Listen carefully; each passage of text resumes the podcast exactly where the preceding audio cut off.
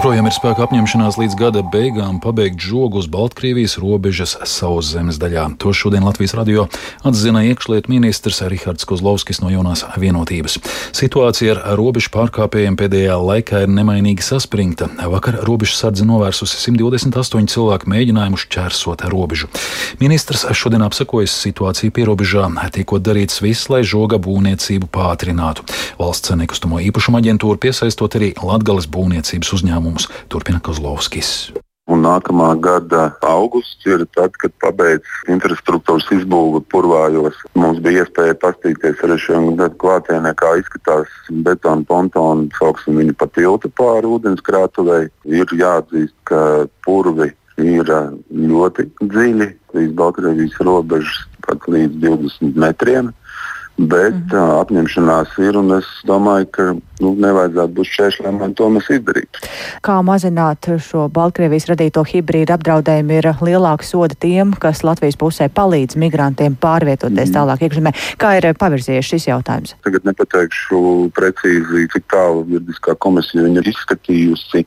Pašlaik tā spēkā esošā atbildība ir līdz uh, pieciem gadiem brīvības atņemšana tieši par atbalstu sniegšanu tām personām, kas nelegāli šķērso. Līdz ar to līdz šim tiesu praksa ir bijusi diezgan saudzīga manā vērtējumā pret šādu veidu pārkāpumu. Bet jāsaprot, ka mums diemžēl palielinās agresivitāte no nelegālo šķērsotāju puses. Ir jau bijuši gadījumi, jau vairāk, kad valsts robežsardze ir spiesta pielietot brīdinājumu šāvienus, proti, izmantot ieročus. Es ļoti negribētu nonākt tā, ka tikai tajā situācijā, kad tas kļūst jau tik mm. dramatiski, varētu sākt sodu piemērošanu. Jau pašlaik faktiski būtu iespēja piemērot uh, sodu līdz 5 gadu brīvības atņemšanu. Cik es zinu, priekšlikumi pagaidām tomēr neparedz minimālo jau brīvības atņemšanu. Proti, tiek palielināta varbūt gala sankcija, bet mums nav minimālā. Tas nozīmē, ka joprojām paliek vērtēšanas iespēja arī ne piemērot reāli cietumsodu. Tā iekšlietu ministrs Rihards Kazlovskis no jaunās vienotības.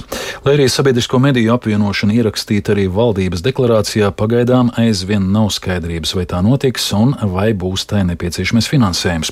Vēl pagājušajā nedēļā Saimnes cilvēktiesību un sabiedrisko lietu komisija konceptuāli lēma, ka sabiedriskiem medijiem nākamajos gados ir jāpiešķir vairāk nauda, bet Finanšu ministrija sagaida skaidrākas aplēses. Savukārt padome vispirms gaida skaidrību par sabiedriskiem medijiem turpmākajos gados sagaidāmo finansējumu apjomu. No tā izrietēs skaidrs lēmums par sabiedrisko mediju apvienošanu, vairāk Jāņa Kīņša sagatavotajā ierakstā. Sabiedriskajiem medijiem ir jābūt neatkarīgiem, labi un paredzami finansētiem, jo bez tiem nav iespējama spēcīga demokrātija. Latvijas sabiedrisko mediju finansējuma ziņā šobrīd ierindojas Eiropas Savienības valstu pēdējā trešdaļā. Tā video uzrunā konferencē par sabiedrisko mediju lomu izteicās Eiropas raidorganizāciju apvienības ģenerāldirektora vietnieks Žans Filips de Tenders. Iepriekšējā koalīcija sabiedrisko mediju apvienošanu atlika. Pašlaik tā plānota no 2025. gada. Tas nozīmētu arī lielākus izdevumus izdevumus, kam jābūt vismaz 0,12% no iekšzemes koprodukta. Tā pēdējā sēdē pirms jaunās valdības apstiprināšanas sprieda Saimas cilvēktiesību un sabiedrisko lietu komisija. Turpina tās pārstāvis deputāts Augusts Brigmans no Zaļo un Zemnieku savienības. Manuprāt, ir valdībai no mūsu puses piedāvāts tiek finansējums sabiedriskām mēdījām. Cik es esmu informēts, arī viņš ir atradis dzirdīgu savus valdībā. Un es domāju, ka līdz ar to varētu, manuprāt, nu, no stagnācijas punkta nu, mēs sākam virzīties jau uz realitāti, ka šis vienotais sabiedriskais mēdījis varētu arī tapt. Jaunās valdības deklarācijā sadaļā valsts drošība ir ierakstīts arī mērķis par izsvērtu un ekonomiski pamatotu sabiedrisko mediju apvienošanu. Finanšu ministrs Arvils Ašarādens no jaunās vienotības aicina vēl mērīt ieguvumus no sabiedrisko mediju apvienošanas un finansējuma palielināšanas.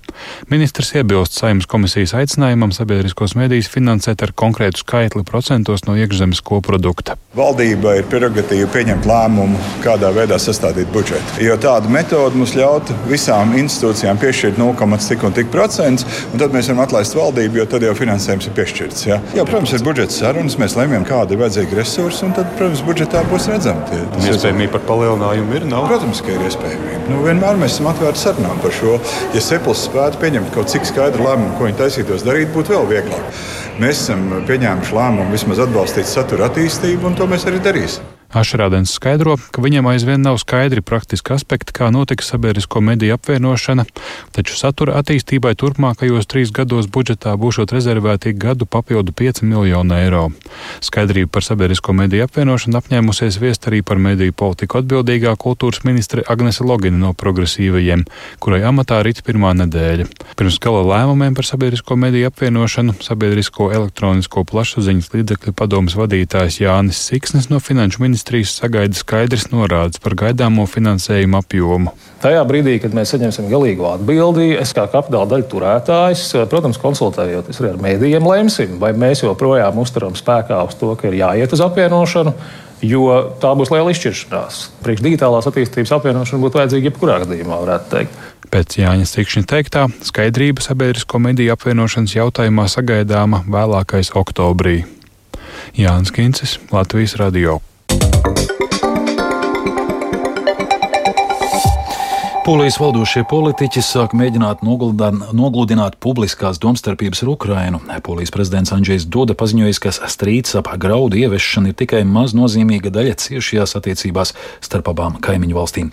Tomēr politikas analītiķi norāda, ka pārskatāmā nākotnē attiecības starp Poliju un Ukrainu varētu palikt sarežģītas, jo uzreiz pēc oktobrī paredzētajām parlamentu vēlēšanām Polijā sāksies citas priekšvēlēšanu kampaņas. Plašāk stāsta mūsu Briseles korespondents Arķums Konohovs. Lietuvas amatpersonas ir izteikušas vēlmi kļūt par vidutājiem Polijas un Ukrainas strīdā par graudu piegādi. Mūsu dienvidu kaimiņu valsts prezidents Gītans Nausēda mudinājis abas puses pārtraukt stīvēšanos augstāka mērķa vārdā - apturēt Krievijas agresiju. Iespējams, ka starptautiskā reakcija ir likusi ne tikai polijas prezidentam, bet arī lauksaimniecības ministram Robertam Telosam sākt publiski apgalvot, ka viņi atradīs kopsaucēju ar Kīvu. Nie może być system licencyjny, w którym Ukraina decyduje. Es gribu skaidri pateikt, ka nevar pastāvēt licencēšanas sistēma, kurā Ukraina visu izlēmj. Mans sarunu partneris zina, ka šādai sistēmai ir jābūt skaidrai un noteiktai, un lai tas tā būtu, mums ir jābūt tiem, kas pieņem lēmumus. Polijas un Ukrainas attiecību skandāls atbalsojas arī Vācijā. Tās lauksaimniecības ministrs Džems Ozdemirs sacīja, ka Polija izrāda solidaritāti tikai tad, kad viņiem tas ir izdevies izdevīgi. Savukārt Domnīcas Eiropas starptautisko attiecību padome eksperts Piotrs Buras uzskata, ka Polijas uzstājība attiecībās ar Ukrainu turpināsies arī pēc oktobra vidū gaidāmajām parlamentu vēlēšanām, jo tad sāksies Eiropas parlamenta un valsts prezidenta priekšvēlēšanu kampaņa. Arčuns Kanahaus Latvijas Rādio Briselē. Ķīnas prezidents Sīdziņpins paziņojis par strateģiskās partnerības izveidi ar Sīriju. Šāds paziņojums izskanēs laikā, kad Pekinā vizīte ieradies Sīrijas prezidents Bašars al-Asads. Viņš meklē finansiālu atbalstu, lai palīdzētu atjaunot savu izpostīto valsti. Ķīna ir viena no nedaudzajām valstīm ārpus tojiem austrumiem, ko Asads apmeklējis kopš 2011. gada pilsoņu kara sākuma, kurā bojā gājuši vairāk nekā pusmiljons cilvēku, bet vēl miljoniem pārvietoti, izpostīta Sīrijas infrastruktūra un rūpniecība. Turpina Rihards Plūme.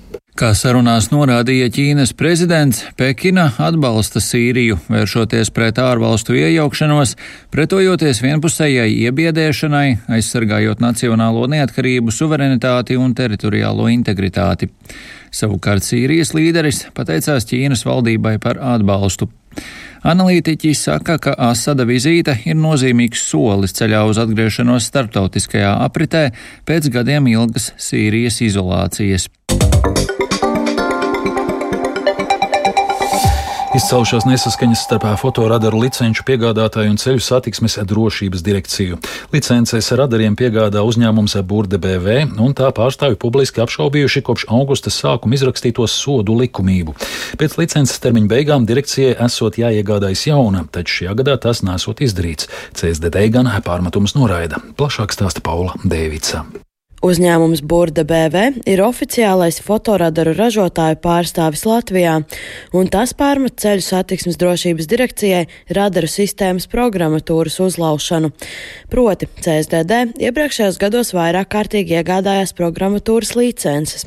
Beidzoties to kārtējiem termiņam jūlija beigās, uzņēmums informēja CSDD, ka bez licences atjaunošanas radaru darbība ir neleģitīma.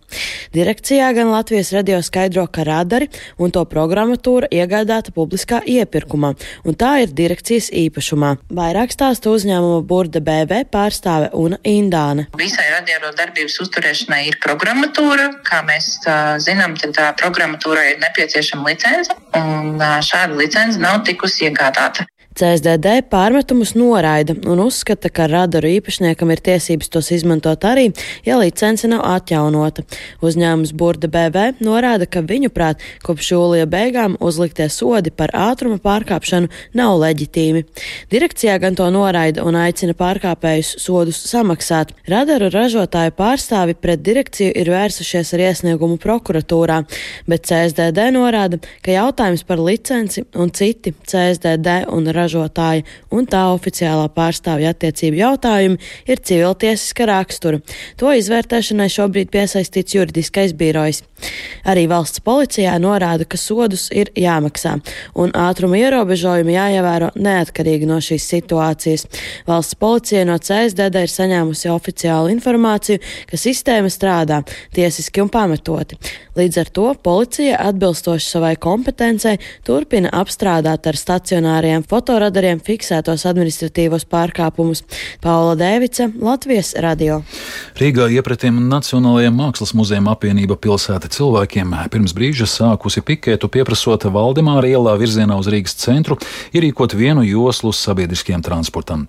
Apvienības valdes priekšsādātais Latvijas radio atzinā Kārlis Kreiķis, ka šo jautājumu aktualizēja jau sen. Savukārt Rīgas domes satiksmes un transporta lietu komitejas priekšsādātais Olafs Pulks norāda, ka par sabiedriskā transporta kustības veicināšanu un īpašo joslu izveidu pašvaldībā domā nepārtraukti, taču visam esot jābūt pamatotam. Turpinājumā vēl par sportu. Basketbolists Jānis Tīma pēc vairāku gadu pārtraukuma atgriezies Eiropā un pievienojies ambiciozajam Turcijas klubam Dārīša Šafaka. Tā pavēstījusi Stambulas vienība. Tīma pirms vairākiem gadiem bija viens no labākajiem savas pozīcijas spēlētājiem Eiropā, bet atsākās viņa karjeras lejupslīde. Vairāk stāsta Mārtiņš Kļavinieks. Jānis Tīma pirms diviem gadiem pameta parādos slīkstošo Krievijas klubu Himki un devās uz Ameriku, kur centās piepildīt sapni par spēlēšanu Nacionālajā basketbola asociācijā. Diemžēl Tīma nespēja sevi pierādīt Farm klubu līgā, lai piesaistītu NBA klubu interesi par sevi. Aizvadīto sezonu viņš gandrīz vispār nespēlēja vien, aizvadīja četrus mačus Puerto Rico līgā, kā arī vasarā izmēģināja spēkus 3 pret 3 basketbolā ASV. Stambulas Dariša Faka klubs sacenšas Turcijas Superlīgā un arī FIBA Čempionu līgā. Tajā turku komanda ielozēta C apakšgrupā kopā ar Latvijas čempioni VF Rīga un Spānijas līgas klubu Tenerife. Mačs pret VF Rīgu Stambulas komandai plānots 17. oktobrī. Izskan Latvijas radio dienas ziņas producente Vija Bremse, ierakstus montēja Kaspars Groskops, par labskaņu rūpējās Ernests Valts Fjodorovs, studijā Egars Rozenbergs. Vēlreiz īsumā par svarīgāko. Joprojām ir spēka apņemšanās līdz gada beigām pabeigt žogu uz Baltkrievijas robežas sauszemes daļā, uzsver iekšlietu ministrs. Tikmēr aizvien nav skaidrības par sabiedrisko mediju apvienošanu un finansējumu. Mazinās saspīlējums starp Poliju un Ukrainu. Vēl tikai par laikapstākļiem.